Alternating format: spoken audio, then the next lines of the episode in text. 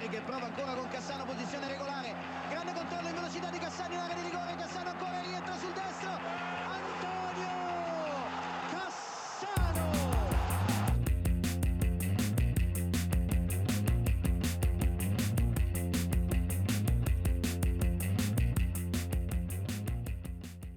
Hlustundu góður, við erum velkomin í þáttinn Puntur og Basta, hlaðarpum ítalska boltan og seri A, það sem Íslandingum finnst skemmtilegast að spila eins og liðsmaður minn í þessu hlaðarpi segir Björn Már, það er nú eitthvað sannlega sko til í þessari línu ekki satt?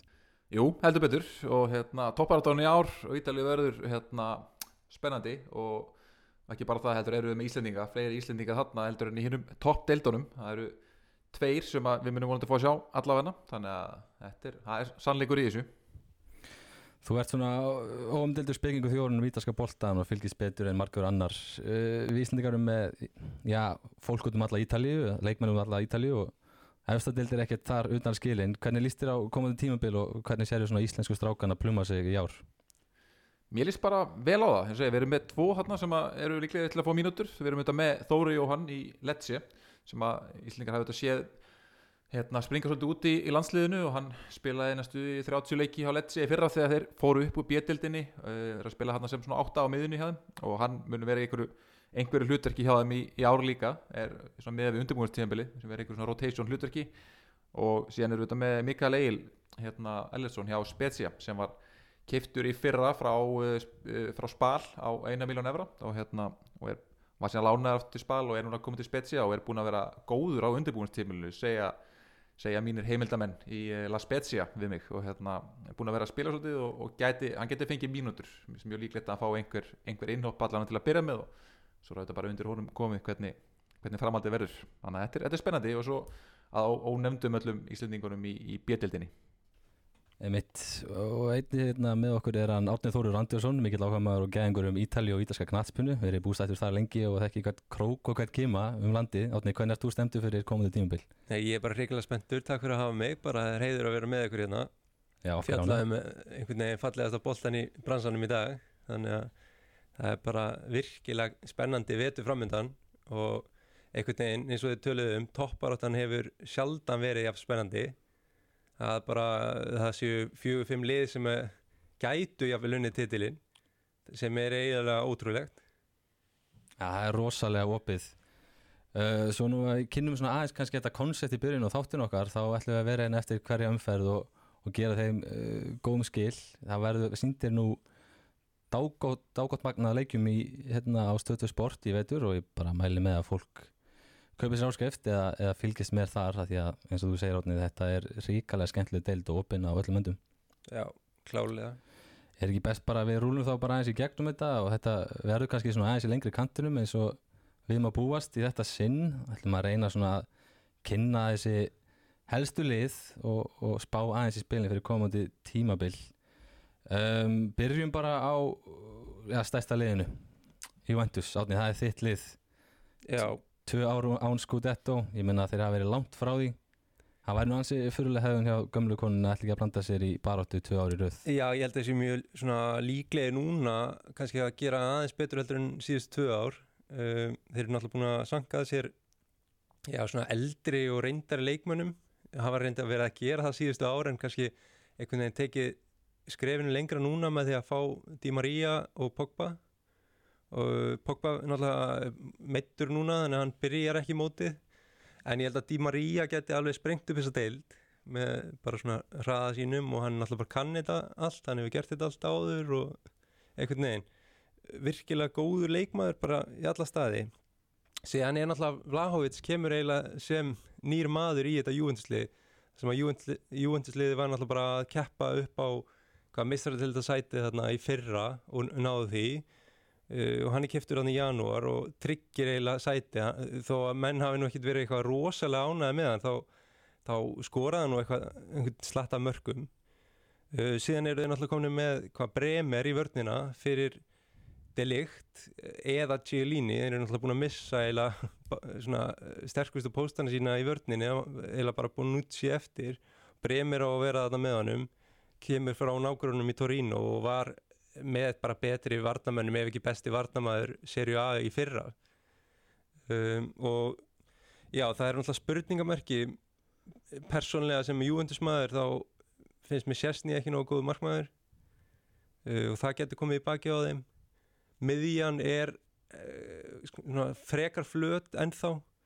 Það mér hefst vanta einhvern veginn e- eitt spennandi mann á miðjuna í viðbót og síðan alltaf kannski bara nýjasta viðbóti sem að mun reyndar einhvern veginn hjálpa liðinu Kostits frá Frankfurt sem við voru bara ganga frá kaupum á í hvað í dag þegar við tökum þetta upp. Þannig að ég held einhvern veginn að Allegri er að reyna að búa til sitt lið svolítið aftur sko, hann náttúrulega með reynslu í þessu, hann hefur unnið deildina hvað, sex sinnum og byggarinn fjóru sinnum þannig að finnur ekki mikið reyndari menn í því, því sko. Nei, akkurat og Björn kannski við svona rennum aðeins einmitt uh, við svona tökum þetta sem Átni var að segja og förum aðeins yfir kaupin hjá þeim. Hvernig ert þú svona, ertu spenntur fyrir þeir sem að, þeir, þeir hafa verið að fá í, í sumar? Já, mér veist, Bremer náttúrulega er frábær og meina, en, einmitt, það má alveg segja að hann har jafnvel verið bara einn besti leikmaður deildarinnar í fyrra. Allan, eða maður ekki spart spekingar sem, að, sem að vildu meina það sko, þannig að það verður ekki það er ekki downgrade svona allan með kannski svona delikt, er náttúrulega eldri líka og reyndari hérna, hann, er frábæðið bútt og svo Di Maria líka henda mjög vel, þeir eru með Kiesa á vinstri kanturum sem eru meira svona yngri og sprækari það koma síðan með Di Maria á hægri kanturum sem að mun er meira svona leitar inn á miðjuna og, og svona þannig, þannig típa kantmanni, það held ég að sé mjög stert en ég samála átna að það er miðjan eins og þetta spurningamerki og mér finnst ég bara eftir að þeir hérna, svona þeir, þeir fóra þetta fór alltaf að fara niður á við hjá þeim. Það var svolítið eftir bara hérna, Pirlo, eh, Vidal, Pogba eh, miðjan einhvern veginn kvarf þá náð, fannst mér aldrei ná að, byggja upp miðju aftur sem er nógu góð og hérna og einhvern veginn miðjumenn sem passi ekki saman. Ég er mjög erfitt með að stilla upp miðjunni einhvern veginn hjá Juventus eh, ef ég ætti að velja svona besta, bestu úrstilinguna en hérna en Pogba er auðvitað góða viðbútt ef að hann næsir á strík sem alltaf spurningamarki en hérna hann er á að við svona miðjan svolítið spurningamarki en, en sóknin og, og vörnin held ég að sé alveg, alveg nógu góð sko. Já, þeir hafa myndið verið orðaði núna, núna upp á síkasti við hann hérna Leandro Paredes hjá PSG finnst þér, ég meina þú ættir að þekkja hann sem fyrir um leikmaður Róma, heldur að hann sé maðurinn fyrir Júve? Já, hann gæti alveg eh, spila hlutverkarna sko, hann er svolítið líkur kannski hérna, Artur sem er náttúrulega búin að reyna að losa svolítið en, hérna, en það er bara spurning hvort þið vilja spila með einmitt eitt djúpan og tvo sóknarsinnar fyrir framann eða, eða tvo djúpa og eitt fyrir framann en svona, ég þarf að sjá hvað er, hvað er plan í hjá þeim. Lokatelli er náttúrulega hann eða og er reynslunni ríkari, búin að vera hann eitt ár og er, er auðvitað frábær. En, hérna, en já, ég, ég þarf að sjá ekki aðeins meira heldur en Rabiot í einhverju óskilgrindu hlutverki hérna vinstra megin. Já, sjáum við hann ekki bara að fara til United? Jú, Jó, það er kannski, kannski bara eins gott að hann fara þangað sko. En kannski aðeins svona aftur ef við, svona, ég menna að þú myndist á að Lahovits kom í fyrra og, og það var algjör no brainer fyrir klubin og, og líklega kannski mest spennandi kaupin þeirra í, í mörg ár. Og svo Bremer sem er svona minnstektur af þessum leikmönnum ég held að hann til dæmis eigi ekki landsleik fyrir Brasilíu. Hvað, hversu fljóðlega séu hann spila fyrir brasilíska landslið og, og blómstra, ég menna hann lítur að hann lítur að vera frábær viðbót fyrir þetta lið Já, hann, hann var líka sérstaklega fekk, fekk hann rósi fyrra fyrir framhjörstuði sem var á móti sko, sterkustu framhjörðurum ég held að hann hafi alveg sko, haft algjört sjött átt þarna á móti mitt, sko, eða Lukaku á sínum tíma að hann var í dildinni og síðan Vlahovic og, og fleirum sko, hann er einhvern veginn hann, mjög góður í þessum stóru leikjum á móti þessum heimsklassa jú, ég held að hann muni klálega að fara, fara er, ef hann er mætt, mættur í tópstandi og, og kemur smellu vel inn í þetta þá held ég að hann sé bara að fara beint inn í þetta brasilíska landslið sko. Já, algjörlega, ég held sko einhvern veginn líka bara Juventus þarf aðeins að fara að líta til framtíða kannski með leikmennina sína fara að nýta þessu ungu efnilegu leikmenn sem þeir eiga. Fagioli og Miretti eru kannski svona stærstu nöfnin akkurat núna. Já, og þeir hafa verið að spila á undirbúinistímbilinu og hafa bara staðið sér vel. Já þeir getur verið mjög skemmtilegri ár bætt smá kryttin á miðjuna og, og hérna bara báðið tveir, ég menna Fagioli var hjá Cremonesi í fyrra og, og það kannski við snertum aðeins rétt á þeim á eftir en það var mikið að lánsmennu þar sem að sem að spiluðu margir stóra rulli að þeir fóru upp, voru með ungli í fyrra og, og, og áhugavert hvort að þeir muni reyna að sækja hann aftur í ár eða hvort að Allegri sem hefur verið svolítið tregur að spila yngri leikmannum, hvort að hann treyst honum sérstaklega þegar poppa núna mittur í byrjun tímbils Já, svo er Rovella líka þarna sem var hjá Genoa í fyrra, lífsfélagi Albers þarna eftir áramót, hann er, veist, hann, hann er lofar góðu sko, en hérna hvað það sé alveg tilbúin til að vera leikstjórnandi hjá Juventus, ég veit það ekki alveg en hérna, geti, geti verið að hann sé eitthvað inn í myndinni ef hann, ef hann verður ekki lánaður út. Já, hann hefur mitt verið orðað við Monsa hérna á láni núna svona síðustu dögum. Svo er hérna eitt skemmtilegt líka það er Memphis Depay. Hann hefur orðað við Björn, hvað finnst þér um það? Feedback upp eða ekki bara? Svona, Jú, hraða, jú, svona öðruvísi leikmaður Vlahovic.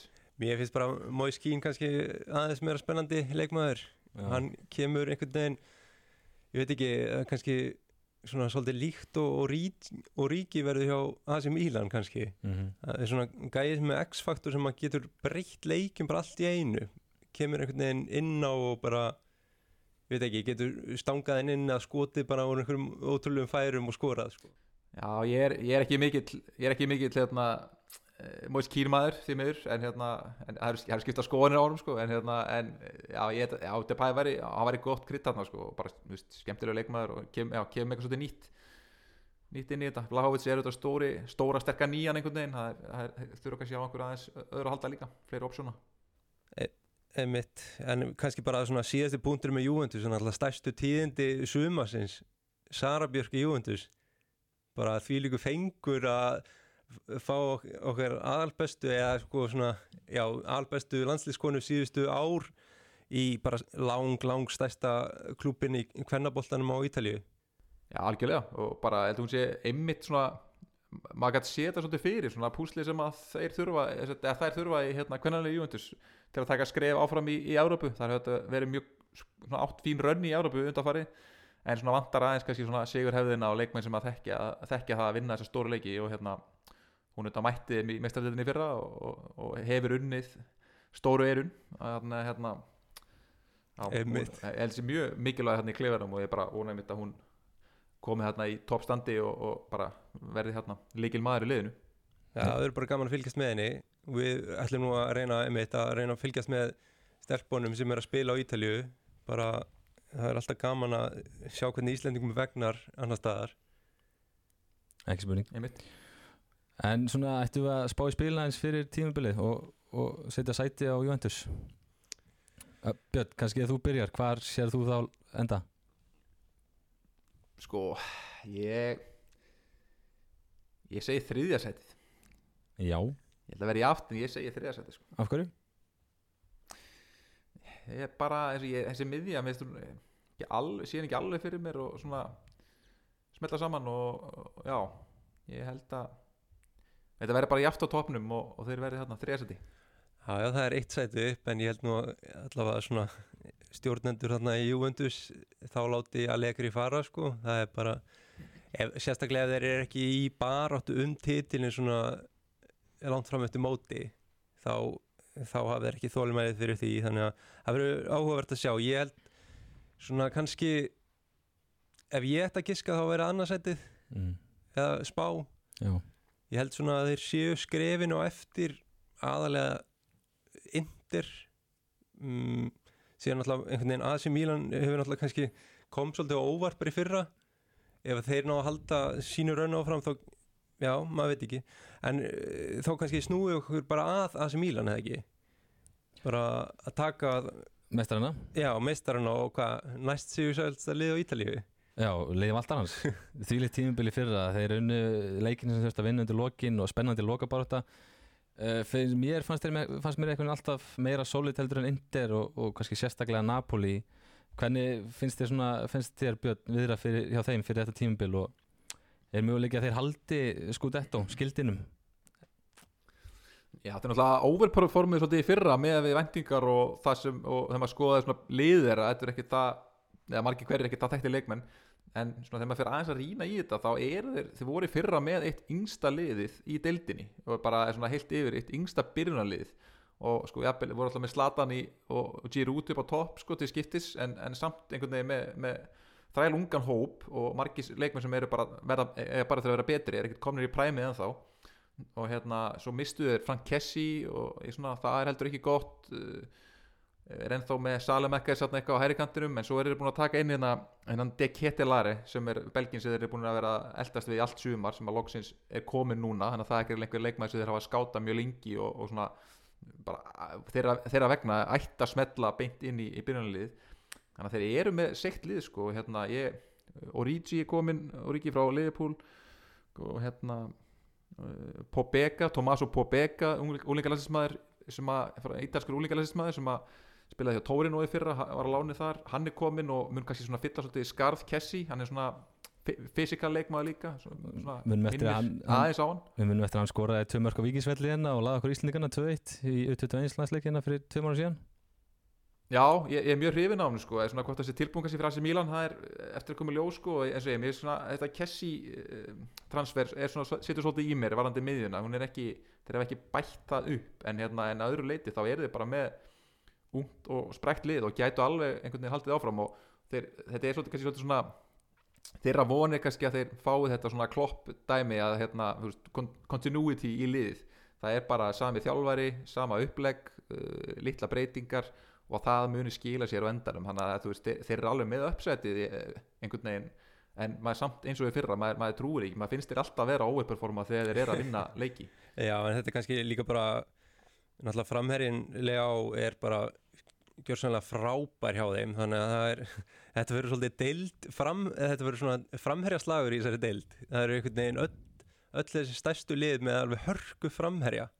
og svona, það er einhvern veginn annar vingill á því að horfa á deildin að sjá byrju, eh, aðalega kannski þessir topp 5 strækjarar í deildinni hverju verða markakongar sko eða hver, hver verður markakongur? Já, hann tók náttúrulega mjög stort skrif á síðasta tímubili og Bardal uppi var valinn uh, mikilvægsta leikmaður uh, tímubilsins og það verður svolítið ávart að sjá. Hann er búin að vera svolítið óbæskan um það að hann vilji vera áfram hjá, Inter, nei, hjá Asi Milan segi en, en maður hugsa sig og maður spissi að því að hann hefur þessi ótrúlega gæði og, og snöggur og, og hérna bara hefur verið aðeins betri að klára færi sín heldur hann var síðustu tveimur tímabilum og tók eins og ég segja áður bara frá stór skref upp. Hvor, maður spyrir hvort þetta sé síðasta tímabilin að sjá Asi Milan, Björn Já, hann, held hann eigi eftir að skrifa þetta nýjan samning, er það ekki? Er hann ekki í einhverjum samninga viðræðum og Jú. það er ekki búið að ganga frá því þannig að það, það er pínu ókveikjandi því að AC Milan hefur auðvitað mist rúma frítt síðustu árum. Kessi fór frítt til að kunna ekki þessa lista að selja leikmenn. Um, þannig að það er kannski þetta á ekki efni um, en samanskapi þeir, þeir eru alltaf endur nýju kannski tvo mikilvægastu samlingana í sumar Milan, Pálo Maldini og ekki, hann Massara, Riki Massara skrifið undir nýja samninga. Einmitt. Um, er rauninni eftir að þeir runnu út sko, þannig að þeir voru hérna basically án atvinnu hérna einhverja tvo daga þannig að það var svona stóðsöldi tæfskreinlega en e, þannig að það, það verið stó allan að vera eitthvað svona einhver continuity í þessu og, og menn trúa projekti þannig að ég, ég á nú vona á að skrifa undir nýjan samning en, en Leá er algjör skrimsli, hann er frábær. Og eins og ég, hann, þegar hann bætti endprodukti við leiksin þá er þetta var hann bara alveg óstöðvandi og mun, mun vera ennþá betri, hann er ennþá það ungur. Já, og svo verður mjög forund að sjá hvernig Ketilæðri kemur inn í þetta og svona framlínan hjá AC Milan hefur verið svolítið svona þunn, var þunn á síðasta tímabili og sérstaklega kantstöðunar, þetta var svona þetta var mikið til Belgiumærin Salim Akes á hægri kantinum og svo voru með Junior Messias sem var nú bara fyrir styrtu síðan í þriðdildinni sko. Og en þeir, þeir eru komni með Ketilæðri og allir og, en, en svona það spurn, spurning um hvernig hann að ræða þessu hann að framar á vellinum, hann Pjóli Já, bara því minna sem ég þarf að horfa á Salemakers, því betra sko. Ég, hann er með holningu bara eins og millivegalenda hlaupari sko, Já, einhvern veginn alltaf hlaupátt út um allt veist, allt í lagi leikmaður sko en ég, ég vonaði það að sjá þessu minnst árum sko en, Já, þetta gerir já, eitthvað neginn svona gerir þetta ennþá ótrúlega því að veist þetta var svona fram á við ekkert ekki kannski lið sem að við hefum séð vinna deildina svona undarfærin ár nei og þetta reyna alltaf ætlaði mitt að spila annarkot hæri kant eða eða í hólunni og hérna, og svo er þessi alli hérna líka mitt þá, sem ég hef svo sem minna minna séð en hérna en á að vera lofa, lofa góðum, þannig að þetta er alveg, er alveg uppsett þarna en Slatan er líka mér líka að vera að fara að spila ennþá minna heldur en, heldur en síðast tíðanbili já, já, það virðist vera. En hann er þannig þó Já, svo missaði náttúrulega Romagnoli sem að hefur verið fyrirleira en, en var kannski að spila minna á síðast tímbili og, og menn hafa svona nokkuð skiptar skoðunur um Hvað hérna, eitthvað meira að segja um AC Milan? Nú bara, uh, Björn, ef að, hvert er álitið, hvað renda þeir? Herru, ég, sko, ég er alveg með það í fjórðarsæti Þetta er kannski, já, þeir, þú veist, þeir eru með, með mikið uppsætt en bara með hvað er dildinu í upp, sko, þá eiginlega bara ætlaði að vera með það í fjórða Já, ok, já, ég er þarna, ég held að ég verði bara sammála, eða eiginlega, já, þetta er þriðja eða fjórðasæti, held ég. Þetta er slæmt titilvörn hjá, Já, ég, því miður held ég það, fyrir þá, Þetta er held ég allavega minnisbá svona þriðasæti já Ég ætla að gefa mér besta leif að spá líka. Ég held að sé, ég er með þérbjörn Ég held að þeir verði hérna í fjórða sætinu. Og svona því að kannski, ég spá ekki á hann um Júve Ég held að þeir bara uh, taki titilinn þá var það Já, ok, Hér það er bara sagt. það var bara komið í, í, út í heiminn. Það var komið út í heiminn svo það sé að hérna, við, erum alveg, alveg mis- mismandi spá Þannig að kannski þurfum- hvað dildin er Já. hvað er opið. Já, hún er, hún er við Galopið. munum endur taka það mikið í veitur þetta er galopið og, og hérna hún verður það vonandi sem lengst. Erðu, förum, færum okkur yfir í næsta lið. Það er uh, stærsta sagan í sumar það er AS, AS Roma uh, þetta er svona sagt í miklu hlutleysi en þetta er mest spennandi lið komandi inn í tímabilið og, og þvílíkt verk sem Mourinho hefur unnið á einu ári. Hann hefur losað sig við dauða viðin í sumar hann hefur fengið kanunur inn menn sem að vildi fá hann hefur bætt ásýnd liðsins borgin og stundismennir þeir gjörsanlega elskan eins og kannski var búist við og, og lið hefur einhvern veginn svona vaksið og loksins unni titilbjörn þetta, er þetta það sem að þú sást gerast fyrir árið síðan þegar Mourinho kom til klubsins Þetta var auðvitað svona öklaði eira sko. Annarkot var maður að fara, að sjá þetta eða, eða hann væri bara nú þegar hættur störfum sko. Nei, það er mér fyndið því að já, þe- þegar hann kom til félagsins þá, þá sagði hann sko að þetta væri þryggjára samningur, þryggjára plan. Og fyrst var einhvern veginn að stabilisa þetta svo ætti hann að veist, uh, koma með mistarlitina, væri fyrsta markmið og svo veist, endal, endanum geta barist um titilinn. Og svo sagði hann líka, bætt hann því við að hérna að ef að eigendurni vilja þá er hægt að hraða þessu þryggja ára plani. Þessu því þá endalega að gera þetta tveggja ára plani. Og það virðist vera sem að það sé kannski það sem hafi að þeir, þeir hafi bara verið það ánæg með fyrsta tímabilið þóttir hafi ekki sko náð meistaraldarsæti bara titillinn og hvað hann næri öllum með og hvað hann er góður að identifæja hvaða leikmenn hann vildi fá og henda í burtu og svona sjá kannski að menn hafa trúa á honum og þá eru menn allir núna í sumar bara tilbúinir að, að leggja aðeins meira undir þannig að hann er að fara inn í tímabili með bestu sóknarlínuna í deildinni og, og svona mjög spennandi lið eh, að sam, og sem að geti alveg allir sjá að geta getur bara svona titilin en, en að samanskapi er hann samt í raunin ekki með aðra pressu á sér heldur en að heldur en að ná bara mistaldagsæti sko. Já, svo við förum nú bara yfir uh, leikmenni sem þeir hafa fengið, það er Dybala Nemanja Matic, Gigi Vinaldum Mert Selig og, og Míle Svílar. Og svo er nú eitthvað að tala um það að Andrea Bellotti uh, bætist við þennan hóp. Og, og þeir hafa nú ekki kannski mist, þeir mistu Jordan Veretút Mkhitaryan, Oliveira og Veretút og Mkhitaryan hafa náttúrulega verið í stóru hlutverk hérna og eru báðir mjög skemmtilegi leikmenn og, og hérna ég veit að þú hefur fílað á báða í Róma treyinu Björn, hvað svona, þetta er bara, þetta er bara virkilega gott hjá, hjá honum Mourinho Já, algjörlega, þeir, voru- þeir vildu haldur hann áfram en hann fekk bara betri samning hjá Inter og hérna svo hérna verið tú var í emjur hrifina og Róma stundismenn en, en Mourinho fílaði hann einhvern veginn ekki. Þetta er svona gæði sem hann bara vildi fá út eða frá, frá fyrsta degi sko. Þannig að það kannski snýrist eitthvað um huga að fara eitthvað annað, ég veit það ekki. En hérna, en kaupin eru þetta bara frábæri og ég meina, Matic, Vinaldum á miðuna uh, Sóklarlínan Dybala, Pellegrini, Saniolo Tami Abraham og svo Bellotti sem sko backup framherri þetta er þetta bara eitthvað sem mann hefði ekki dreymt um sko. Og hérna og sérstaklega auðvitað þessi kaup á þessi sæning á Dybala. Það voru þetta bara svona stjórnunar stóðastu rétt. Uh, Dybala auðvitað var losnað á samningi og hann gerir þennan samning við Róma sem er vist þannig sakat, því sem ég hef lesið að, að ef þeir ná ekki meista þetta næsta ári þá getur hann farið mjög ódýrt. Þannig að þetta er svona win-win fyrir báða aðila einhvern veginn. Og hérna en já, þessi, en annars, já, þetta er allt leikmenn sem að styrkja liðið og, og hérna og svo eru þeir að bæta við sig á Belotti og, og sennilega miðverði líka. Þeir eru auðvitað að spila með þryggjamanna línu og, og þurfa aðeins fleiri uh, backup optiona í, í það. Þannig að þetta er, þetta ríkilega spennandi. Ég, ég ég, ég haldi með Rómaður frá árinu 2000 og ég held ég hef aldrei verið jafn spenntur fyrir tímabilið og núna. Og uppselt á alla leiki og, og ég veit ekki hvað og hvað sko. Og bara andrúslotti hefur breyst rosalega á þessum skamma tíma. En uh, átni, þú veist Dybala, hversu á- mikil áhrif getur hann haft? Ég menna, er þetta svolítið eins og snættir hjá Inter tímabil sem við getum séð hjá honum. Já, ég held bara einhvern veginn sko að bara myndirnar frá Róm segja kannski bara alla söguna sko. Að það séu komnir tugir ef ekki hundruð þúsund manns til að horfa á eitt leikmann í einhverju kynningu fyrir utan sögufrætt hús í Róm. Þannig að jú, ég held það. Ég veit samt ekki hvers konar störu það var hjá Juventus að, að einhvern veginn að Juventus hafi ekki viljað borga einhver ákveðin laun og síðan endar hann hjá Róma það er kannski svona önnur tíð núna fyrst að Mourinho er komin að það er aðeins meira til þess að eyða í, í leikmenn og kannski leikmenn tilbúinir til að stíga inn í þetta projekt hjá Róma.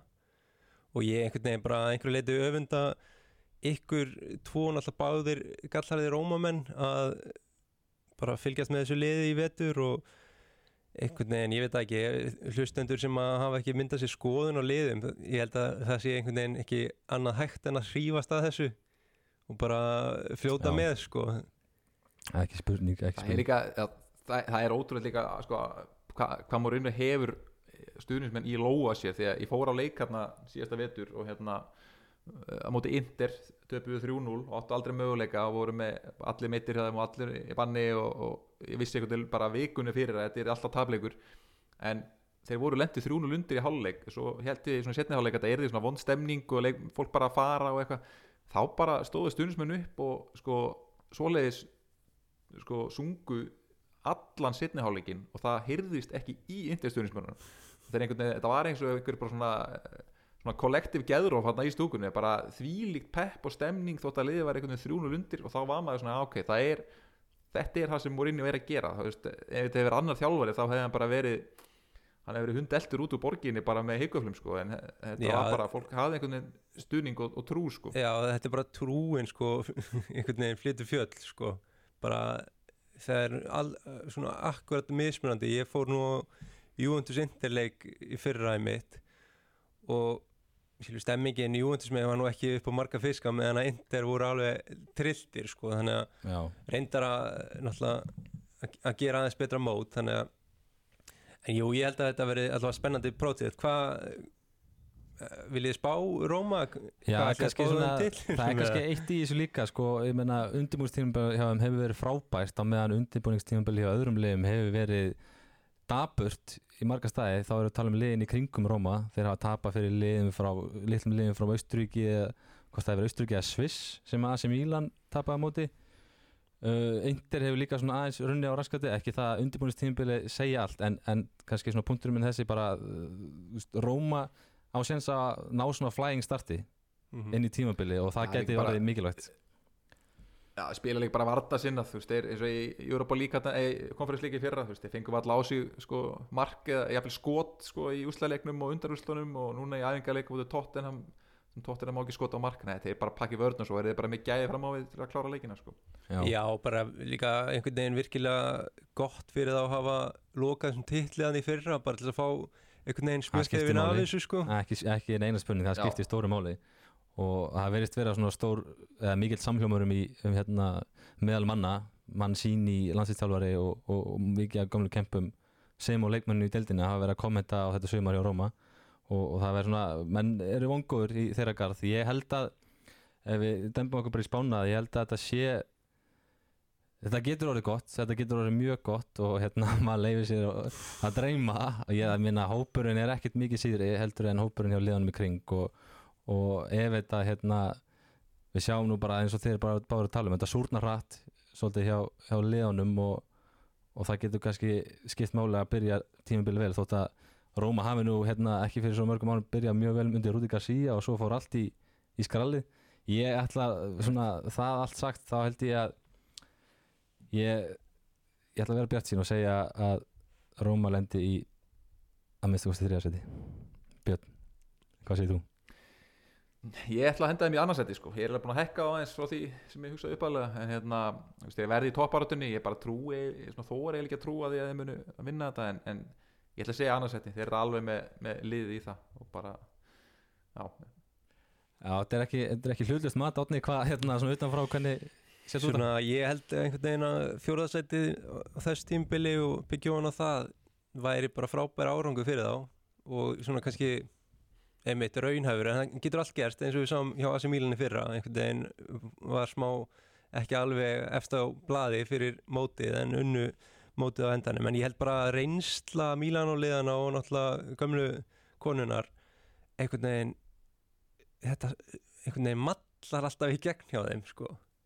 Það, það er kannski og, en þarna er náttúrulega bara þjálfarin sterkasta vopn Róma og náttúrulega Tammy Abraham sem hefur náttúrulega verið frábær hjá þeim. Já, og Dybala og, Sanjólo er báðir svona smá meðsla pesa þannig að ég, ef að Sanjólo verður áfram sem það lítur út fyrir að vera og Dybala hefði báðir halda, haldast reynir nei, halda heilir segi og reynir bara. Og reynir, bæti ekki vissi tattúum nei, nei, við vonumst þetta því.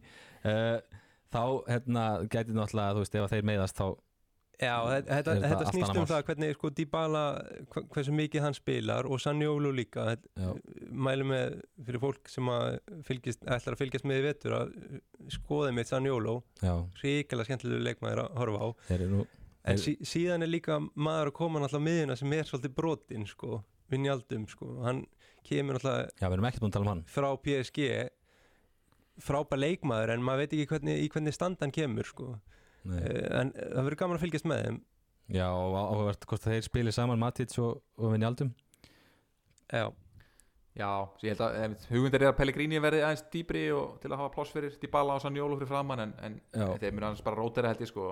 Annars, Já. e, e, í lokin bara, mér langaði að nefna mér langaði svo mikið að þeir myndu kaupa Davide Fratesi frá Sassuolo.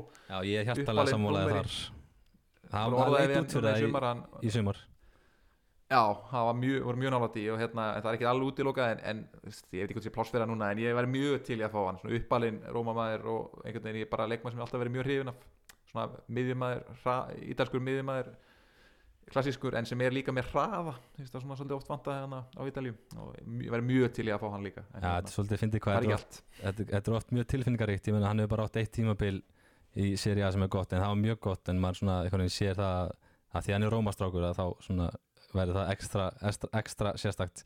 Höldum áfram að förum í Napoli og við tölum um hvað Róma hefur fengið í sumar en uff hvað Napoli hefur mist mikið og, og það lítur nú reyndar út fyrir það að næstu dögum munið er eitthvað bæta og bæta vissi og, og, og græða hérna, eitthvað.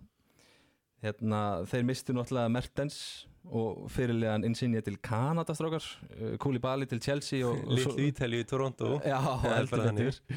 Og svo mistu þeir hérna er þeir að missa uh, öllum líkitum Fabio Ruiz til PSG inn hafa komið henn georgiski, Messi þó ekki Levan Kenya heldur uh, Kvara Kvitsi Kvaratsvelja góriðumæðurinn Kim. Uh, hann kemur í vördina og þeir missa ekki pund þar fyrir Koulibaly Leo Östegard Norsarinn sem spilaði fyrir Genova kemur líka inn í vördina og svo er eins og á þess að margt í gangi hjá liðin og Giacomo Raspadori Keilo Navas og, og hérna, Simeone, Giovanni Simeone sem að skoraði 17 mörg í Serie A í fyrra. Þeir eru allir taldir ansi líklegir uh, á næstu dögum. Björn, hvað svona finnst þér þeir, þar hjá Napoli er Spalletti sem að var lengi stjórnarinn hjá Roma. Hvað, hvað svona skoðan hefur þú á Napoli og sérstaklega þá kannski með næsta tímabil í huga. Sko, þetta er náttúrulega bara hreinsun sem búið að eiga sér stað og hérna svona síðastu, síðustu leikmyndin úr gullkynnslóðinni þegar með Hamsik og félögum er, eru núna farnir. Og hérna bara þannig að það er alltaf spurningamerki en þeir, þeir verða með competitive lið sko, menn eftir að Di Laurenti sem er mjög umdeldur og eigðar einhverjum pening í lið úr eigin vasa og, og svona er mjög grimmur í öllum samskiptum og, og erfiður en hann, hann má eiga það að þeir eru bara mjög stöðu í samt Napoli í topp fjórum. Og einhvern veginn alveg sama, já, missa einhvern veginn aldrei út, út neitt taktslag sko. Hann að, eh, þú veist veist, ekkert haka hann alveg í gólfi þeir, ef þeir ná topp fjórir en eh, það væri samt svona ákveðið afreg hjá þjálfaranum. Uh, mér veist svona þessi Georgiski Messi uh, Kvaratskhelia, hann hefur vist verið mjög góður undirbúinstímilinu og ég hef reyndar hirt af fleirum sem hafa séð hann áður vera að spila með Georgiska landsliðinu meðal annars og uh, hafa, hann hefur litið mjög vel út þar. Þannig að ég, ég er mjög spenntu fyrir að sjá hann. Hann, hann ávist að vera alvöru, alvöru leikmaður sem að auðvitað, kom í staðin fyrir Insigne. Og hérna svo er þá, já uh, Fabian Ruiz, þeir, ég veit ekki hvort þeir þurfa að bæta það upp á miðunni ríkar það mikið gæði færið þar. Ég veit ekki hver mun bæta það og, og svo auðvitað Kúli Bali farin og þá eru þeir komin með tvo nýja í staðin sem að munum örugglega keppast um þá, þá stöðu. Það er kóriðu maðurinn Gethekki Kim sem er með hérna hann er já, ég veit ekki hvað sem segjum hann hann er með tattoo yfir hérna hann er, með tattoo yfir bringun á sér uh, sem er svona eitt að ljótasta tattoo sem ég hef séð hjá Napoli sem, og af, af mörgum ljótum er að taka. Það er eitthvað hérna Já, hann er með- hann eitthvað þríkalan frasa hérna, tattoo hann við bringun á sér svo er, er hann búin að taka Gangnam Style hérna, ég hef séð allan að fjögur mismunandi vídeo af því, þar sem hann er að taka Gangnam Style fyrir liðsfélagana og þetta er alveg, þetta er alveg gæði sko, Þetta er alveg Napoli í skemmtikraftur sko. Já, nákvæmlega. Nákvæmlega. Já, ég held að ég muni örgulega elska, elska neða hatan sko, hérna, Já, það er annað Já, og svo, og svo er Leo Östigard sem er þetta svona grjótarður hafsenda bara svona gamla breska skólanum sem að sem að, þú veist, mun berjast í stöðuna líka við liðin á Rahmani og ha- hann má eiga það spaletti, hann kann að búa til varnalínur hann er alltaf náðu einhvern veginn að fá miðverði til að blómstra, þú veist, Milan Skriniar hjá Inter var einhvern veginn heimsklassa undir honum, Antonio Rúdiger hjá Róma og, og fleiri þar líka hann að, já, ég held svo að varnalínan, hann mun ná að setja hana en svo er það bara hitt er svo mikið wildcard sko, þeir eru svo mikla breytingar í sókninni og, og Raspadori og Ossi Menn eru þeir að fara að spila saman. Ég, svona veit ekki alveg hvernig hann fyrir að því og já, minnst bara spurningamerki stórt sko. Kanski að því við tölum um aðeins um Raspadori og reynum svona að kynna líka aðeins þessi leikmenn sem fólk kannski þekkir ekki. Það er leikmaður sem að einhverju þekkja nú en margir ekki. Hann blómstræði með Sassuolo í fyrra og, og er svona leikmaður sem að spila aðeins fyrir aftan fremstu línu og finnur sér svæðið þar og, og skotið frá lengufæri og, og, og mata félaga sína Björn, hvað það væri, væri geggja að sjá hann í, í þótt að maður vilja ekki að Sassuolo mill- missi allt sitt og því þeir voru mjög skemmtilega í fyrra en það væri gaman að sjá hann allavega að fá stærra múf og, og haldast í deldinni Já, ég held ekki- er bara nöðslut fyrir hann á sínu ferli að taka skrefið upp sko, ég meina, er, Napoli er alltaf að fara í meistaraldildina, ekki Jú. og hérna, hann þarf að matcha sig á móti bara betri leikmönnum sko, hann, hann er mjög góður í einhvern veginn öllu en eina við hann sko, ég sé kannski ekki alveg svona X-faktorinn, uh, þú veist, hann er og er hann, þú veist, er hann alveg tíja eða ætlar hann að vera strækir? Ég, ég sé ekki alveg hvað er svona þessi sem hann alveg svona world, sem hann er með svona, svona world class move sko, en, en mjög góður og hérna ég, já, ég meina ef hann ef hann er eins góður að menn telja og svona næsustrík þá, þá er þetta spennandi og bara framtíða leikmaður. En hérna, hann, já, en þeir eru, eins og ég, þeir eru náttúrulega í mestældinni en þeir, við munum fá að sjá þá líka á, á stærsta sviðinu Einmitt, þetta verður líka bara einmitt þessi framherja umræða sem ég var að tala um Ósi menn frammi hjá þeim. Alltaf bara fáranlega skemmtilegt að horfa á hann spila fótbolta. Uh, hann alltaf var hvað, aðeins mittur á sí- síðast tímbili Já, spilaði ekki kannski alveg jafn mikið en maður var að vonast eftir en ef hann verður öflug þá getur við mitt Napoli bara já meittist hann að snemma frekar snemma á síðasta tíðumbili já, en svo var hann svolítið að ná sér í COVID. Ég held að hann hafa allar svona þrís var hann næst Já. sér í COVID og komið aftur frá lands, landslýs frí með COVID og mista flugvel út að ég held ykkur ammælisvislu svo seint og hann er svona aðeins í þessu líka sko. Já, já, þannig að það verður kannski svona já, ef að hann blómstrar út almennlega þá er fjóruðasæti alveg þeirra for grabs sko. Já, hvað spáruð þeim því sæti? Nei, ég held að ég verð að spá um já, fymta sæti, fyrst að við erum komið með eh, hv- að ég var með Juventus í öðru og, og þarna AC Milan í þriði og Róma í fjóraða þá ég ætla nú ekki að fara að spá um titlinum en ég held að fymta sæti þau verða sætt sér við það núna og, en þetta verður bara á milli Róma og Napoli held ég upp á síðasta sæti í mestaraldild Já, Björn, hvað segir þú? Ég segi fimmtarsæti sko, ég held bara öll liðin fyrir ofan eh, satt, eh, með hvað hvað er mikla breytingar hjá þeim það, og með hvað liðin fyrir ofan er búin að styrkja sig og ef þau eru sterk þá held ég bara Napoli munu ekki ná meira en fimmtarsæti sko. allt, ef þeir ná að íta einhverju öðru liði niður fyrir sig þá væri það alltaf ombriði hjá því sagt, hjá topp fjóru liðunum Já, eru líkur, myndu þið halda að geti gæst samt sem aður, getur þið séð að eitthvað lið jafnvel, að þeir myndu ná að það myndi ná, myndi ná fimmtasæti og Napoli væri þá jafnvel neðar en það Nei, eiginlega ekki.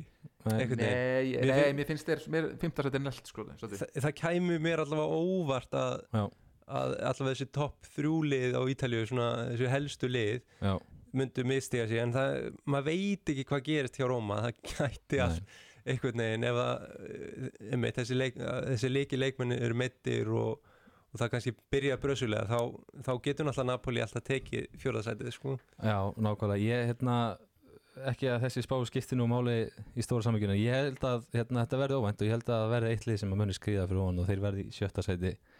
Og, og þar með sagt held ég að við sem búinir með umræðin um Napoli ekki nema að sé ykkur við að bæta við þetta strákar. Nei, ekki um Napoli kannski en, eða hvað?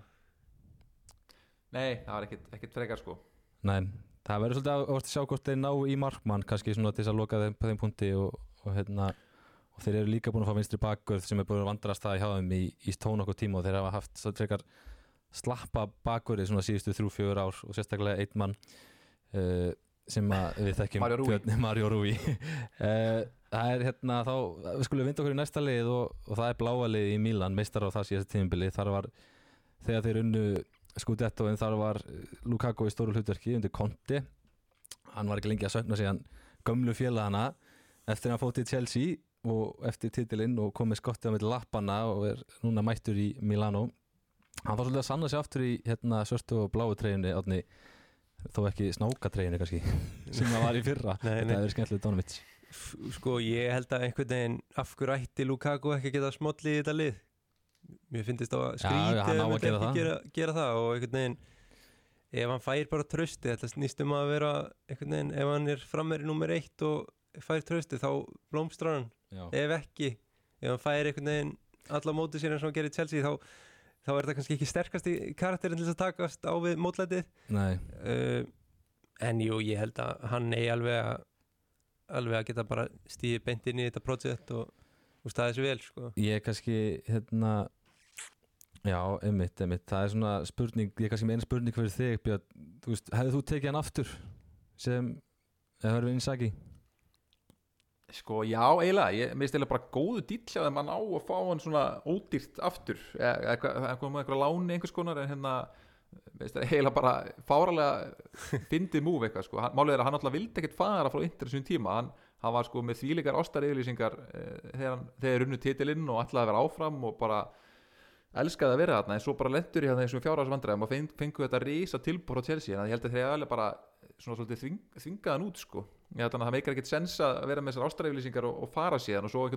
var hann bara í fílu á Chelsea from day one og það leði ekki nema svona, svona tvær vikur og þá var hann byrjað að tala um hvað, hvað Inter væri miklu betra og skemmtilegra og, og svona, þannig að ég veginn ég held að hann vilji vera hjá Inter og, og, hérna, hann hafi svona, stuðnismendur og Inter voru ekkert sáttur þegar hann fór en ég held samt að hann hafi verið ítt út og, hérna, þannig að ég held að hann muni endur nýja ástáðsamband sitt við stuðnismenn Inter og hann sé, mæti alveg peppaður. Ég eiginlega trú ekki öðru sko. Þannig ég, Já. þetta er mjög gott múf og, og, og líka ef eins og ekki kann að nota hann eins og, eins og Chelsea menn kannski kunnu ekki þá, hérna, þá, þá held ég að hann, hann muni smetla hann verður hann fram með, með Lautaro Martínez bara eins og í gömlu góða dagana. Besta heila sínum ég, já, ég held að þetta verður bara flott hjá þeim sko Já, þetta er náttúrulega svolítið erfiður fanbase eins og svo margir í Evrópu og hann sérstaklega á þessu svæði. Ég meina að þeir hafa verið svolítið leiðileg við Handanovic undanfæri ár og það verður líka svolítið fórhaldið það er verið að skipta honum út líka Það bara að skipta honum út náttúrulega. Og þeir hafa verið svolítið hardið við þeir hafa ekkit, þeir hafa ekkit tröllatrú á honum. Og en svo hérna, þessi endurkoma Lukaku geti verið áhugaverð ef að þetta byrjar ekki af krafti. Já, ég held að ein- einmitt kannski pressan er samt miklu minni af því að hann kemur á láni 100%, tilbaka sko, 100%. hefði þurft að bunga út 80 miljónum eða eitthvað fyrir hann aftur Já, þá er náttúrulega öll pressan á honum einhvern veginn en Já, leikminni sem hafa fengið inn eru náttúrulega hann og Nana, Mkhitaryan, Raúl Bellanova og, Kristján Aslani sem er mjög spennandi leikmaður, kom hérna á lögðarsvöllum daginn. Uh, mér finnst svona svolítið áhugavert hvað þeir eru að sapna og samka að sér bakvörðum þetta lið. Þeir eru með eitthvað sex bara mjög frambærilega og, og byrjunulegs bakvörði innan sinna raða þóttur að vera ekkit stóran, með stóran hóp. Ég menna þeir missa Sensi, Perisic, Vidal, Vesino og svo er Alexis Sanchez, hann sleit sig á samningi eða sleit, já, sérst að fóð til Marseille núna fyrir skömmu síðan hvað, svona utan, úst, á þessa kannski fyrir utan Lukaku hvað finnst okkur um þessi, þessar styrkingar að hafa haldið, ef þeir halda Dumfries og Brozovic og þessum kannski líkil mönnum já, hjá þeim, þá er það einhvern veginn bara stærstu styrkingarna finnst mér sko. Bara að viðhalda liðinu sko. Já, hvað segir þú Björn? Já, ég er sammála sko. Og hérna, með Dumfries og Skrinjar er bara orðaðir í burtu frá þeim allt tímabili en, og, og þeir ætlu alltaf að kaupa Bremer í staðinn og svo einhvern veginn uh, er, já, Bremer fann þetta júi og, og ef að Skrinjar fer þá náttúrulega eru þeir bara með með skeggið í póskassanum þannig að ég uh, það getur verið smá vesen hjá þeim en annars er það bara já, sniðugt. Mikið Tari hann kemur inn sem backup fyrir Barella eða Cilanoglu uh, Aslani kemur inn sem backup fyrir Brozovic sem að vantaði fyrra. Alltaf þegar Brozovic spilaði ekki þá, þá hrundi í leikulíðsins og svo eru þið komin með Robin Gossens náttúrulega, hann kom í janúar hérna frá uh, frá Atalanta og er mun spila í staðin fyrir Perisic hérna á vinstri kantinum og Gossens er frábær leikmaður og er eins og Perisic í, í toppstandi á meðan hérna á meðan uh, flestir knarspöðum en Európu stórstjóður í sumar voru engstar siglandu miðrarhafið eða heimsækja vitíkastæðin hjá Saltbæ að láta uh, láta hann segja sér brandaran í enneitt skiptið þá hérna uh, og taka einhverjar Instagram myndir þá var Robin Gossens einhverstaðar í austurísku ölpunum að hlaupa keppið þrýþraut sko þannig að þetta er, þetta er alvöru, alvöru gæði sko. Þannig að ég, þetta, eru, þetta er svipa lið bara við fyrra og hérna og já, bara sniði var styrkingar sem hafa sótt og ég veit ekki hvort er einhverju fleiri sem að við höfum vonað að koma inn. Ég held að sé alveg bara herta, hvort að skrinjar fari eða ekki. Þurfa, heldur að þið þurfi að styrkja sér frekar? Þeir hafa nú sagt ekki vilja gera mikið meira yfirbútt heldur að þið þurfi bara fyrir, þú veist, til að geta keft um titilinn? Heldur að þið þurfi 1-2 átni kannski ef að þú svarar því.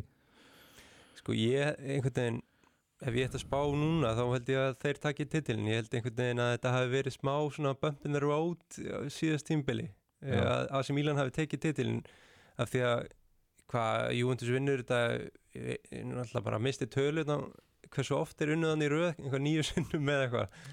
Já, var ekki tíu sinum? já, níu sinnum það sinnum, þá náðu eindir einhvern veginn að sprengja það og það, þeir hafa ætlað að búa til alveg dænasti úr því Já, en einhvern veginn ná ekki að klára það í fyrra þannig ég held að ég, ég veit ekki, mér veist einhvern veginn líklegast að þeir takið titilin núna og ég held að það sé líka bara fínt fyrir þá því að peningamálinn hafa náttúrulega kannski verið svolítið erfið fyrir þá upp á síðkastið síðustu ár. Já, eh, að ná að losa stóra samninga eins og Sanchez og Vidal og einhverju svona menn sem eru að fara niður brekkuna og Perisic. Já eignarhaldið að náttúrulega hefur svolítið verið í mólum uh, bara eins og síðasta tímabili Já, var ekki einhver kynvest fyrirtæki sem fór á hausinn og eða, hvernig er það? Var það er, voru ekki einhver kynvesk fyrirtæki sem áttu í báðum Jú, jú.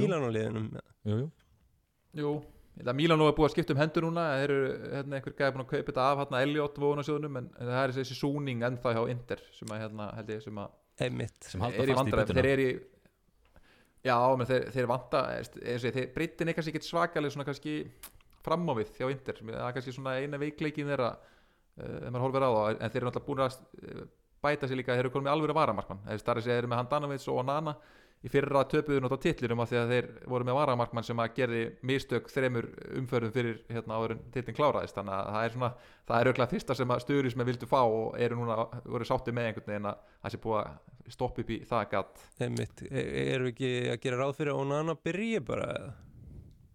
Eða hvað?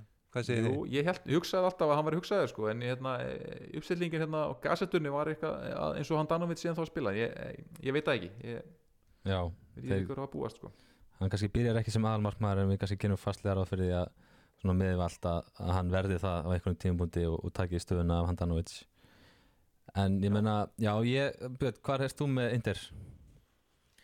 Ég er með það á toppnum sko, þessi, þetta var svolítið flúki fyrra, þetta var smá klúður hjá þeim en hérna, uh, ég held að ég held þeir eru bara það stert unit og svipa lið uh, og hafa verið með þekki einhvern annan vel og, og, hérna, og aðeins meira bakku upp hérna á miðuna fyrir Brozovic, þá held ég að þeir muni bara taka þetta sko í, í harðri baróttu við, við mína menni í Róma.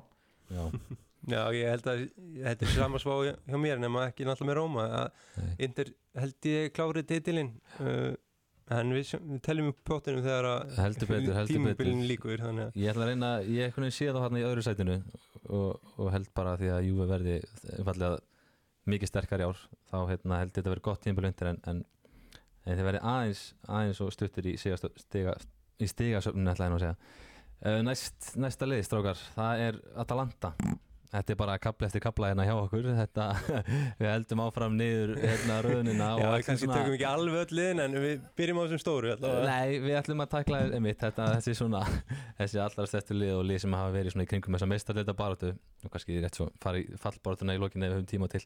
Uh, Það eru tíndi þaðan og ekki kannski í fyrsta sinn þá er hann Gasperini, ekkert sérstaklega sáttu maður. Uh, það er svolítið byrjað svona, mér og gerði það sérstaklega á síðast tímbili ég meina í sumar þar lendir hafsendið þeirra Palomino og hann fellur á Liverpooli. Og, og af hverju var ég ekki hissa?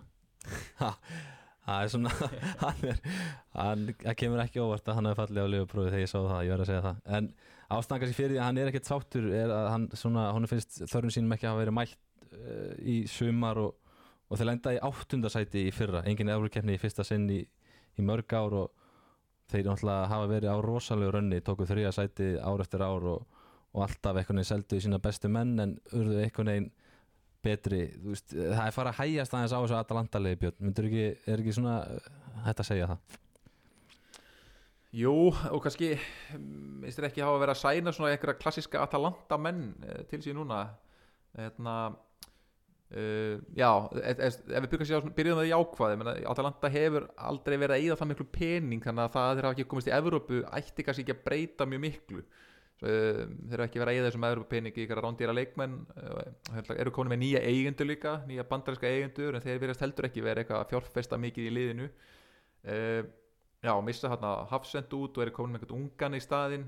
Uh, en svo eru þeir komin með þeir sem eru komin inn eða fyrir með það, það er þessi Ederson frá mjög skemmtilegur brasilísku leikmaður. miðumæður sem að mjög hrifin á honum, ég, ég er mjög spenntur að sjá hann. Sammála því, við erum ekki að spila það er hann sóknir sinna miðumæður uh, við spila hann í staðin fyrir uh, Mi- að Mirandsjúk er farin uh, á móti til Torino. Uh, annars er þetta bara svipa lið sko, hérna Kopmænis uh, annar tímanbili hans. Hann Mér finnst hann mjög góður á, á, á köplum í fyrra, hann verður glæðin það betri en annars er þetta, já, ekkit, ekkit voðalega spennandi og þetta fara að súrna hjá þeim, Gasperini er svolítið erfiður það hefur, það hefur allt sem að leiða bara upp á því hjá honum síðan hann kom til félagsins en, en hann, hann er ekkit hann er, þykir ekkit sérstaklega sympatískur uh, persónuleiki og svona þegar fer að súrna þá held ég að þetta geti enda bara jafnvel frekar illa sko. Já, Átni, við sátum hérna í þessu stúdíói fyrir, já, tæpum tveimur ára síðan og veltum fyrir okkur hvort að Papa Gómez væri besta, eða svona mesta blóttakan fyrir þetta lið þá var Papa Gómez nýfærin til Sevilla. Uh, þetta er lið sem að skora mikið að mörgum, skoruðu 65 mörg á síðasta tímubili, var þetta ekki svona þegar við vorum velt þessu fyrir okkur þá svona, þetta er svona tímapunkturinn sem að einhvern veginn ótrúlega satt, hann var svona maðurinn sem einhvern veginn var síðasta stráið. Já, einhvern veginn, ég veit það ekki. Jú, það gæti verið Það gæti verið að þeir komið óvart núna einhvern veginn. ég er voða svart sína, það er rétt. Mm, En þeir hafa kannski líka verið bara ummitt, eins og Björn segir svolítið skinsamir bara í, í sínum fjárfestingum. Þeir hafa verið að hvort þeir kiftu völlin sinn 2017 af bara hvað, bæja, eða borgarstjórn þarna Bergamo. Þannig og þeir hafa verið að gera hann upp nýta greinlega Evrópenningana í það þannig að það verður gaman svona kannski að sjá þá bara eftir nokkur ár aftur bara hvort þeir nái að rýsa svona hátt eins og þeir gerðu bara já, fyrir tveimur árum og þreimur árum. Það sem þeir voru bara virkilega góðir. Uh, en jú, ég, þetta er kannski svona það er bara, það er jáfnvel minni pressa núna á þeim að ná árangrinum. Já, út af því að það er einhvern veginn einmitt þessar stóru leikmenn þeirra þó að gómið sér nú ekki hár í loftinu uh, þá einhvern veginn hafa þeir nokkri far, farið og náttúrulega góðsens núna sem er bara já, blóðtaka já. bara virkilega góðu leikmaður.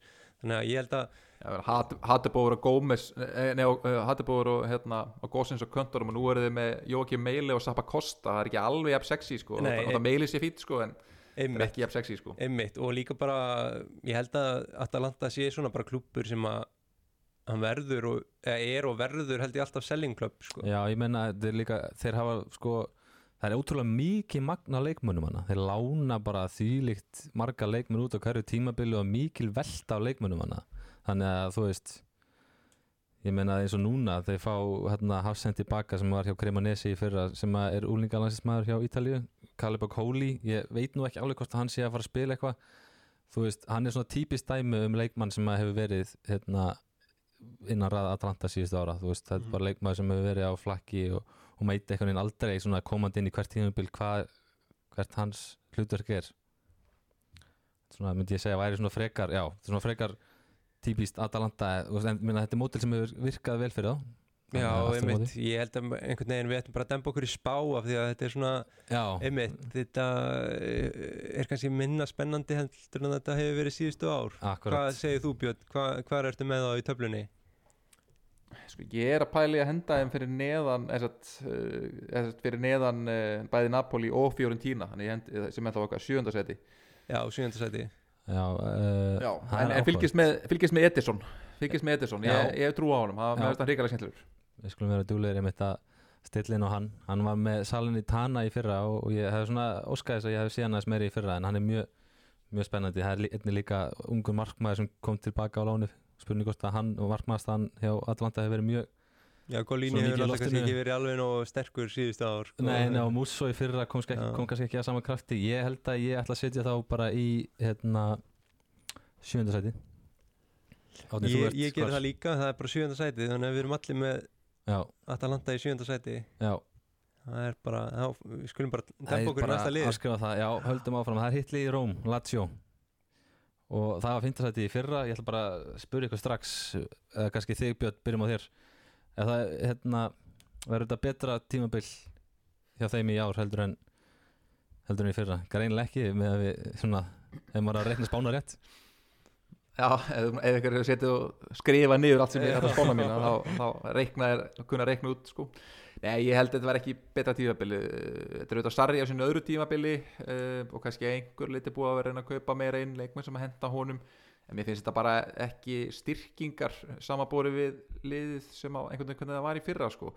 uh, ef við förum yfir þessi leikmennum þetta eru þessi Marcos Antonio sem er kannski stóra spurningamerki ef að hann verður frábær þá kannski breytir það öllu en hann kemur frá sjaktar eða ekki? Jú. uh, miðjumæður og var já. og svo já, og Milinkovic Savits og, og Luis Alberto, Luis Albert- Alberto við hliðin á honum í 43 og svo er þetta Romagnoli komin aftur heim. Uh, þar sé að hann auðvitað er sko, uppalinn í Róma en var alltaf Lazio stuðnismæður fór síðan til AC Milan og er núna komin til Lazio og hérna Já, sterkur karakter í hópin hliðina á- væntanlega fyrir lið Já, AC Milan já, já. að- Já, þeir eru svo fengið tvo markmenn sem er Já, áhugavert einmitt, þeir eru, eru með eh, Já, satt, já Romagnoli spila við hliðin á einum Casale sem er ungur, kom frá Verona Já, það er góður með Verona í fyrra en við höfum séð það áður að hafsendar hjá Verona geta verið geggjar hjá Verona en það, það svo virkaði kannski ekki alveg annars þar þannig að nei. eh, þessi varnalína ekkit eitthvað að svakalega góð sko að nýtt miðverapar bara alveg bara splungu nýtt Já, þeir verða vantilega báðir hann í miðverðunum Romagnoli og Casale sem ég finnst mjög spennandi en þetta er hár rétt hjá sem þetta segja líka eins og við sáum bara við höfum séð mikið að leikmönnum fara frá mikið hafsendum fara frá Verona til dæmis eins og Kumbula sem var hjá sem er hjá Róma og þetta er svona kannski enginn af þeim afgerandi mið, miðverðir en margir góðir. Nei, Romagnoli búin að vera lélugur sísta ár og, eða finnst mér og, og eins og ég, að vera óna að spila svona rock'n'roll fótbolta þannig að þú veist hafsenda líta kannski vel út með einhverja tæklingar út á velli og eitthvað en þú veist þannig er hann mættur í eitthvað svona sarri kerfi og þessi Casale er vist ekki búin að vera góður undir múrstímilinu en eh, já þannig að og svo er það bara sama sóknarlína og var sko. Filip Andersson, Immobile og, og Sakani sem er, sem er undar fín lína sko. Já. Eh, en svo þessi P- Provedel í markinu sem að frá Spezia sem að ég er undar hrifin af. Ég, ég, ég er spenntur að sjá hann. Já. en, hérna, var ekki, en, var, byrjaði ekki sem aðalmarkmaður spetsja í fyrra en vann sér sætið og, og eitthvað náði eitthvað rétt aðeins við skútunni þar. Það er eitt sem ég langar svona hérna, ég veit að við erum komað á klukkutíman það er eitt ég langar aðeins að drepa niður með bara svona nokkuð hratt. Matteo Cancelleri, leikmaður hérna, sem Lazio fekk, einmitt frá Verona. Það er leikmaður sem var að spila aðeins hjá landsliðin í sumar og, og Björn, mér svona aðeins bara svona að fá að svona að spurja þig út í taktikinas mann síni í sumar. Ég menna þeir spilu mörgum ungum strákum og mikið og stóra stóra hérna, mann man síni var með stóran hópa leikmönnum sem við hefum bara valla ef margir þekki ekki. Hvað er svona hvað heldur að sé að gerast svona hjá ítalska landsliðinu fyrst að þeir ég meina að missa núna af HM hvað er þetta eitthvað hvað átt að því að Já, hann er bara að prófa held ég mikið á ungum sko.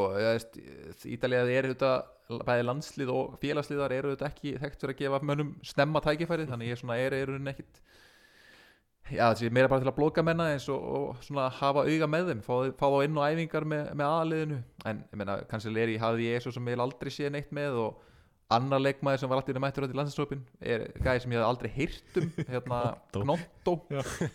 Ég sko, og ekki bara fylgist ég vel með ítalska boltanum heldur fóri á leik með FC Zurich á tímabilunu samt einhvern veginn, hann verður þetta að spila ekki þann leik sko, en samt, ég vissi samt einhvern veginn enga veginn hver það var.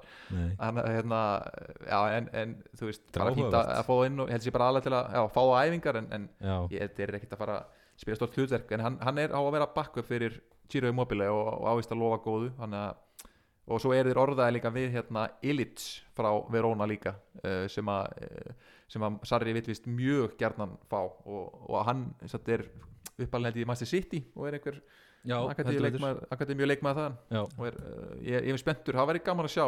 Er ekki svolítið verið að tala um það ef að Luis Alberto ef Luis Alberto fer, er ekki verið að tala um að hann komi þá pottjætt inn í, inn í liðin já, já, Já, það getur verið eitthvað svona one to watch. Já, en það er ekkit svona kannski ekkit sérstaklega mikið að segja um þetta latsjólið þannig er ekki bara komið tíma að spá þeim? Jú, eða kannski aðalega bara inn á bara þjálfaran, ég held að þjálfaran sé þeirra sterkasta vopn. Og náttúrulega immobíli frammi. Hann er náttúrulega einhvern veginn ég sá eitthvað á Twitter það sem er kenning enginn hefur séð immobíli skora en samt er hann alltaf með markaðistu mönnum í seri A af því að einhvern veginn þegar hann spila með Ítalíu þá getur hann ekki neitt sko. Þannig að en hann er náttúrulega bara prúven framherri sem skorur einhvern veginn alltaf 20 mörk í þessari deild. Já, já, skoraði Og tvæði sa- þrennur í fyrra. og Sarri er bara drullu góðu stjóri þannig að maður veit ekki ég, ég ætla að spá þeim já, sjötta sæti. Já, þetta er svolítið svona eh, heitt eða kallt, maður gæti sé Sarri bara vera rekin á tímumbylunu og svo gæti maður líka einhvern veginn ná séð hann ná því besta úr þessu lið. Eins og þú segir, þetta er svona hans leikmenn. Björn, hvað segir þú? Já, ég held að segja áttundasæti þú veist, já, ég, ég er sammála, það er uppsett þarna út á Sarri en, en samanskapið þá er stemningin ekkert sérstök og hérna, Lotito eigandi Lazio, hann er líka mikið fjölmjölum að skammast yfir því að að- það gengur ekki jafn vel hjá honum að selja ásmiða og hjá Róma, svona væ- vægtir orða tekið og hann er alltaf að skamma stuðnismenn fyrir það hvað gengur illa að kaupa ásmiða sem er ekkert að skapa neitt sérstaklega góða stemningu, það er svona ekki alveg leiðin til að fá einhvern völlin sko. nei, með því ég fór á völlin að það er, hjá það er ekki í fyrra sko það, það var ekki, ekki sérstaklega góð mæting sérstaklega ekki á miða við einhvern veginn eftir COVID hefur bara mætingin á Ítalíu einhvern veginn snar batnað þannig að einmitt, þetta er, það er ekki alveg sama stemmingin í, í Lazio og hinum einn í Róm einhvern veginn. Nei. Nei, nei ég sé áttundasæti, já Hvað, varst þú búin að spá, Átni? Já, ég sagði sjötta. Já, ég ætla þá að segja hérna, fimmtaræti Ég ætla að spá þessu sem óvendu liði í ár. Þannig fyrir ofan Napoli? Já. Já, ok. Uh, eigum við kannski aðeins svona því að þetta fer að hérna, síga á setni endan hjá okkur viljið aðeins snerta kannski á fjórun tína sem að eru að gera skemmtilega hluti og, og hérna, eru með frábæran unga þjálfara og virkilega skemmtilegan hóp. Líklega myndi ég að segja að þetta væri svona fyrir hlutleysan hérna, áhorfanda liði sem að fólk ætti sérstaklega að fylgjast með fyrir utan þá stóru liðin Já, bara, veit, komnir í Evrópu, það ekki, þeir eru að fara að mæta hérna einhverju liði í qualification fyrir, uh, fyrir, hvað er Europa líka, nei, sambandstildina. Uh, já, langt síðan þeir hafa spilað í Evrópu, þeir eru þetta, sé ekki svona, maður muni ekki helst eftir þeim í Evrópu 2010, 2009-2010, þegar þeir voru demdir úr leik á móti Bayern München, með skemmtilegt lið. Þannig að þeir eru komin aftur í Európu og eru komin með bara þokkarið lið. Ég meina Jóvits en Jóvits er hérna komin upp á topp. Uh, þetta seldu Vlahovic í fyrra og, og Jóvits mun skora mörg allir framherja skora mörg hjá, hjá Vincenzo Italiano. Mm -hmm. um, Serbnir skipting og svo eru þetta ha, Serbnir skipting já, nákvæmlega. Þannig að ég, ég trú á því. Ég, og, skemmtilegi kantmenn hann við hliðin á hann það er hérna Ikone og, og Nico González sérstaklega líka. Mjög virkilega skemmtilega leikmaður. Um, svo- leikmaður sem er alltaf hættulegur einhvern veginn. Já, bara býr til upp, á einn spýtur sko. þannig, þannig típa kantmanni. Já, um, svo, svo vissaði Rodríða Sola hægri bakverðin sem var að lána frá Real Madrid og fá inn í staðin einhver Dodo frá hvað Eitthvað Dodo frá? Shakhtar, eitthvað svoleiðis. Já, Já um, sem maður veit ekkert um um, þannig að að öðru liti er þetta fekar óbreytlið sko, nema það síðan að svo fá þeir missaði Lucas Torreira á miðunni og eru konum með Rolando Mandragora á miðuna í staðinn frá Torino og hann hefur verið hæpaður í mörg ári ég er ekki aðdóndi Já, hva, já Nei, ég er ekki Ég veit ekki alveg hvernig þeir ætla að tækla þetta. Þeir náttúrulega, þetta var eitthvað algjört rugl þegar þeir mistu Torreira eða mist hann eða leta hann fara.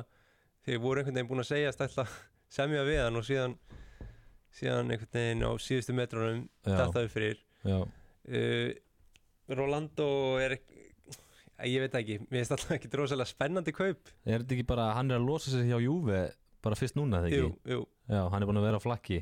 Já, Já, Já, keiftur til út í nesi og keiftur tilbaka eitthvað svona gamla Já, góða já, eh, kaupa, gamla kaupa sala, kaupa tilbaka dæmið gamla góða fléttan bara. En hefur mikið talað um hann í mörg ár en ég bara þú veist, meiðist mikið og svo bara finnst mér hann ekki það eins góð, góður og látið þið með hann sko. en hann, hann fætti ekki færi núna ef, ef, hann, ef hann meikar ekki hérna þá, þá, þá meikar hann aldrei sko. Já, vondi getur við svona farið aðeins betur í hugmyndafræði eins og Italiano sem að er að mínum að þetta er örglega skemmtilegasti stjórn í deildinni bara þegar þegar tímubili hefst þá getur við svona aðeins, að- við aðeins förum dýpra í það Þetta er svona yfirferð góða leiki og svona. Já, en svo erum við konum með Golini í markið uh, rapparan, Já, já, rapparan uh, Peruigi Golini eldur betur sem að segja á upgrade, finnst mér.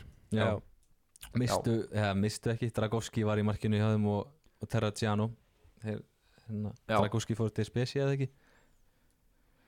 Held hann Jú, já, Og- það er einhver ringi ekki hérna sem fór í gang. Já, og svo er talað um að Viljan geti hinn frægi Viljan geti farið til Fiorentina um, við kannski þá að tala aðeins hérna í framhjálpi um leiðin sem kom upp? Það er nú kannski erfitt að gera það um svona um svona Ég, hérna ég held stórt- svona fyrir uh, hinn hlutlösa aðdánda á Íslandi þá er náttúrulega Lecce bara liði sem fólk eigi að fylgjast með bara því að Þóri Jóhann er örugglega að fara að spila bara stóra rullu þar. Uh, síðan erum við náttúrulega með Monsa sem að, Við erum náttúrulega með Monsa sem að er uh, Berlusconi endur risin hálf nýraður búin að koma þessu Monsa liði upp í efstu deild og leggur peninga í þetta greinlega og hvað er ekki þarna Galliani eða eitthvað með honum? Jú, jú, hans hægri hönd. Hans hægri hönd sem var alltaf hjá, Jú- nei, hjá Milan. aðstofamæður Já. hundryggja aðstofamæður Ég finnst veginn að þú hérna ættir að segja okkur nokkur, nokkur hluti undan Monsalið Þú- Ég held þú svona sittir aðeins á, á höndunum nú, akkurat núna þegar við ræðum þá. Já, en mér finnst þetta bara svona þetta er svolítið áhugavert einhvern veginn hvernig, að ég veit ekki Berlusconi er bara þetta gamall og einhvern veginn misti völdin sko hjá AC Milan einhver leiti og bara almennt á Ítalju og fer þá bara í næsta bæjarfélag og, og græja liðið þar sko einhvern veginn. Þannig að hann, alltaf, hann misti völdin en hann var samt sko hann er að koma inn í þetta tímabil núna hann er nýbúin að fella ríkistjórnina hann alltaf er með var, var í meirluta þar og tók þátt í að fella ríkistjórn uh, með strek, strektari húð heldur en nokkur sinni fyrir og með sko yngri kærustu en nokkur sinni fyrir þannig að hann er alveg að koma svolítið stór inn í þetta tímabil sko. Já, og því og meina með Monsa beintu með Monsa projektið alveg á fullu plasti og, og, Og er- þú veist, þeim er spáð já, bara ofalega sko. Bara spáð já, eitthvað með 12. útkverfi í, sæti. Í. Milano sem að sem að á, fáa stuðnismenn og náttúrulega Ferrari liði kannski svona já upp og niður í formúlinni að á Monsabröndinni og svona þannig að þetta er, þetta er uh, já áhugavert projekt að fylgjast með. Og bara hafa styrt sig bara fárálega mikið í sumar og eitt meiri penningum en nýlegar hafa vanlega gert í þessari deild og Já. bara fengið high profile leikmenn. Já. Sko, byrjul, líklegt byrjuleg í það og þetta eru níu, níu leikmenn held ég þannig að þetta er, er glænit lið sko. já, akkurat. Og síðan er hitli, uh, þriðja liði er náttúrulega Cremonese sem að er kannski svona með fullri virðingu og kannski ekki mest spennandi lið til að fylgjast með fyrir okkur Íslandinga Nei, uh, það er náttúrulega mikið að Íslandinga Nei, búin að vera að er ferðast já, þeir, þeir munu falla, það er alveg klárt já ég meina þeir eru búin að missa bara leikmennar sem kom með þeim upp eins og gerist nú kjarnan. Þú veist hérna þeir, þeir voru bara með mikið til lánsmenn í fyrra. Já, og þannig að þeir verða alveg það er, ég held að maður fái ég held að það sé lágstuðl á þeir verði þarna í neðsta sæti. En það er spurning með okkar mann okkar eina mann í deildinni eða svona þann mann sem mun, spila, Spila. hvað mest líklega. Já, uh, hvort að þeir Já, ná Þeir eru einhverjum að að opna bjarga leik, let's see já, á hérna lögadaginn, lögadagskvöldið á Via del Mare upp, selta móti Inter. Það byrjar bara stórleik þannig að einmitt, einmitt. fólk, fólk tjúnar inn á það á lögadagskvöld það sem að einhvern veginn að því að ég fór nú til Púlja bara í sumar svona aðeins hvað sem er eh, að beigja af leið núna. Þarna við vorum að tala um sko fótboltamenn svona frá Púlja því að Let's er í Púlja og það er ekkert eitthvað ro rosalega rík hefð fyrir góðum fótboltamennum en það er náttúrulega bara kongurinn Casano er þaðan þannig að það er einhvern veginn stolt þeirra enda ennþá og hann spilaði með Bari en, en þetta, er, þetta er áhugavert svæði þetta búljasvæði sem að Þórir býr í og, og spila fyrir. Það sé Casano og Fabrizio Miccoli tveir, tveir vel erfiðir Já, Já, frá, frá. Puglia. Já. Já, Já. já, já, heldur betur. Þetta er svona það helsta, við erum náttúrulega um að hérna, tala svona um helstu sögulínunar og það eru náttúrulega lið þarna sem að uh, væri í einhverjum þætti þetta að minnast á Sassuolo, Sampdoria og, og, og fleiri sem að hérna, verða þarna í efri hlutanum og ekki búast í því?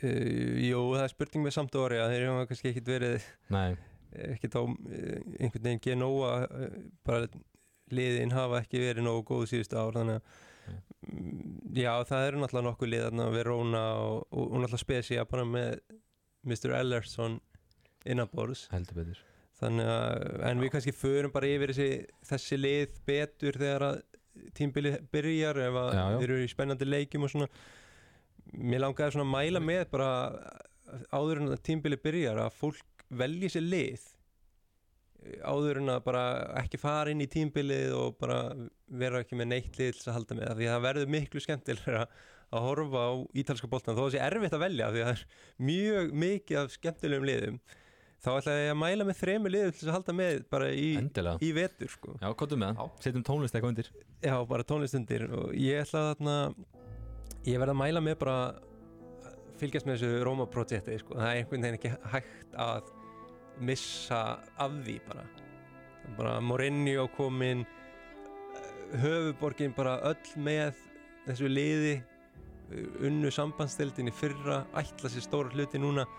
Þannig að ég held að Róma ætti að vera eitt af þremur liðum sem að fólk ætti að reyna að mynda tengsl við. Mm uh, síðan sí- síðan sko finnst mér eitthvað að það er alltaf það er einhver rómantík í mér. Ef ég væri ekki júvendismæður frá blötu barspinni þá þá væri ég Sampdoria maður í dag sko. það er bara það er bara Genoa borgin það eru leikmennir og það er búningurinn. Það er bara allt kemur saman, völlurinn.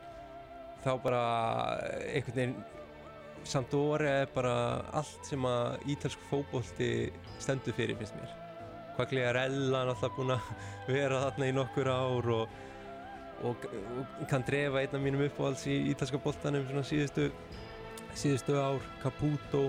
Þetta er bara, þetta lið er bara indislegt sko. uh, og ég veit ekki hversu sammúleði Nei. þið eruð en, en allavega. Já, já, um, og síðan er síðan er einhvern veginn held ég bara að fólk ætti að fylgjast aðeins með ég veit það ekki þriðja liðið, þetta er svolítið erfitt af því að þetta er, þetta er stort en ég held að það verður áhugavert að fylgjast með Monza projektinu sko. og ég held að það sé svona að nýlegar komist og segjum bara að þeir komist á gott rönn þá væri gaman ef þeir færa að narta í hælana á Fiorentina eða hverjum sem verða þarna í áttunda sæti sko. en maður veit ekki hvað gerist þannig að ég held að þessi þrjúlið ég ætla að mæla með þeim en það er bara mitt mat. Síðan alltaf verður fólk bara að mynda sér skoðan sjálf. Já Björn, eitthvað loka orð frá þér? Ég er bara uh, mjög fínt, ég held sé eitt, eitt lið topparátu, eitt í miðjumóði og eitt í samt orði að því miður held ég að vera í botbarátu sko, en, hérna, en þetta, er- fólk hefur þá okkur úr, úr smá matseli að velja þarna, þetta er bara mjög flott. Já. Ef við þá ekki bara setja punktin yfir og segja basta? Og hérna þakka bara fyrir okkur í þetta sinn. Og við verðum með hérna mættir uh, já bara beint eftir eftir helgi, helgi. það eru hérna leik, ég mæli með að fólk kíkja á hvaða leikir eru um helgina og það eru áttaleikir í beinni útsendingu á stöðu sport Já. þannig að það er nóg að fylgjast með og fólk gæti að geta séð allt, allt að helsta og allar listikomstinnar í, í dildinni en eins og við sögum í byrjun þátt að þá verða þættinir kannski ekki alveg jafn langir og þessi þannig að nei, nei, nei, nei. þetta, þetta er svolítið mikið að fara yfir svona í einum þætti. Já, við svona reyndum að það drípa á því helsta með svona þessi stóru lið og liðin sem fólk, hafa, fólk mun hafa áhuga á og, og við munum kannski eða hérna, aðeins meiri tíma í letsi svona þegar hérna, það er eitthvað stort að gerast þar. Já, ef ekki bara að segja takk fyrir okkur og, og heyrumst eftir helgi.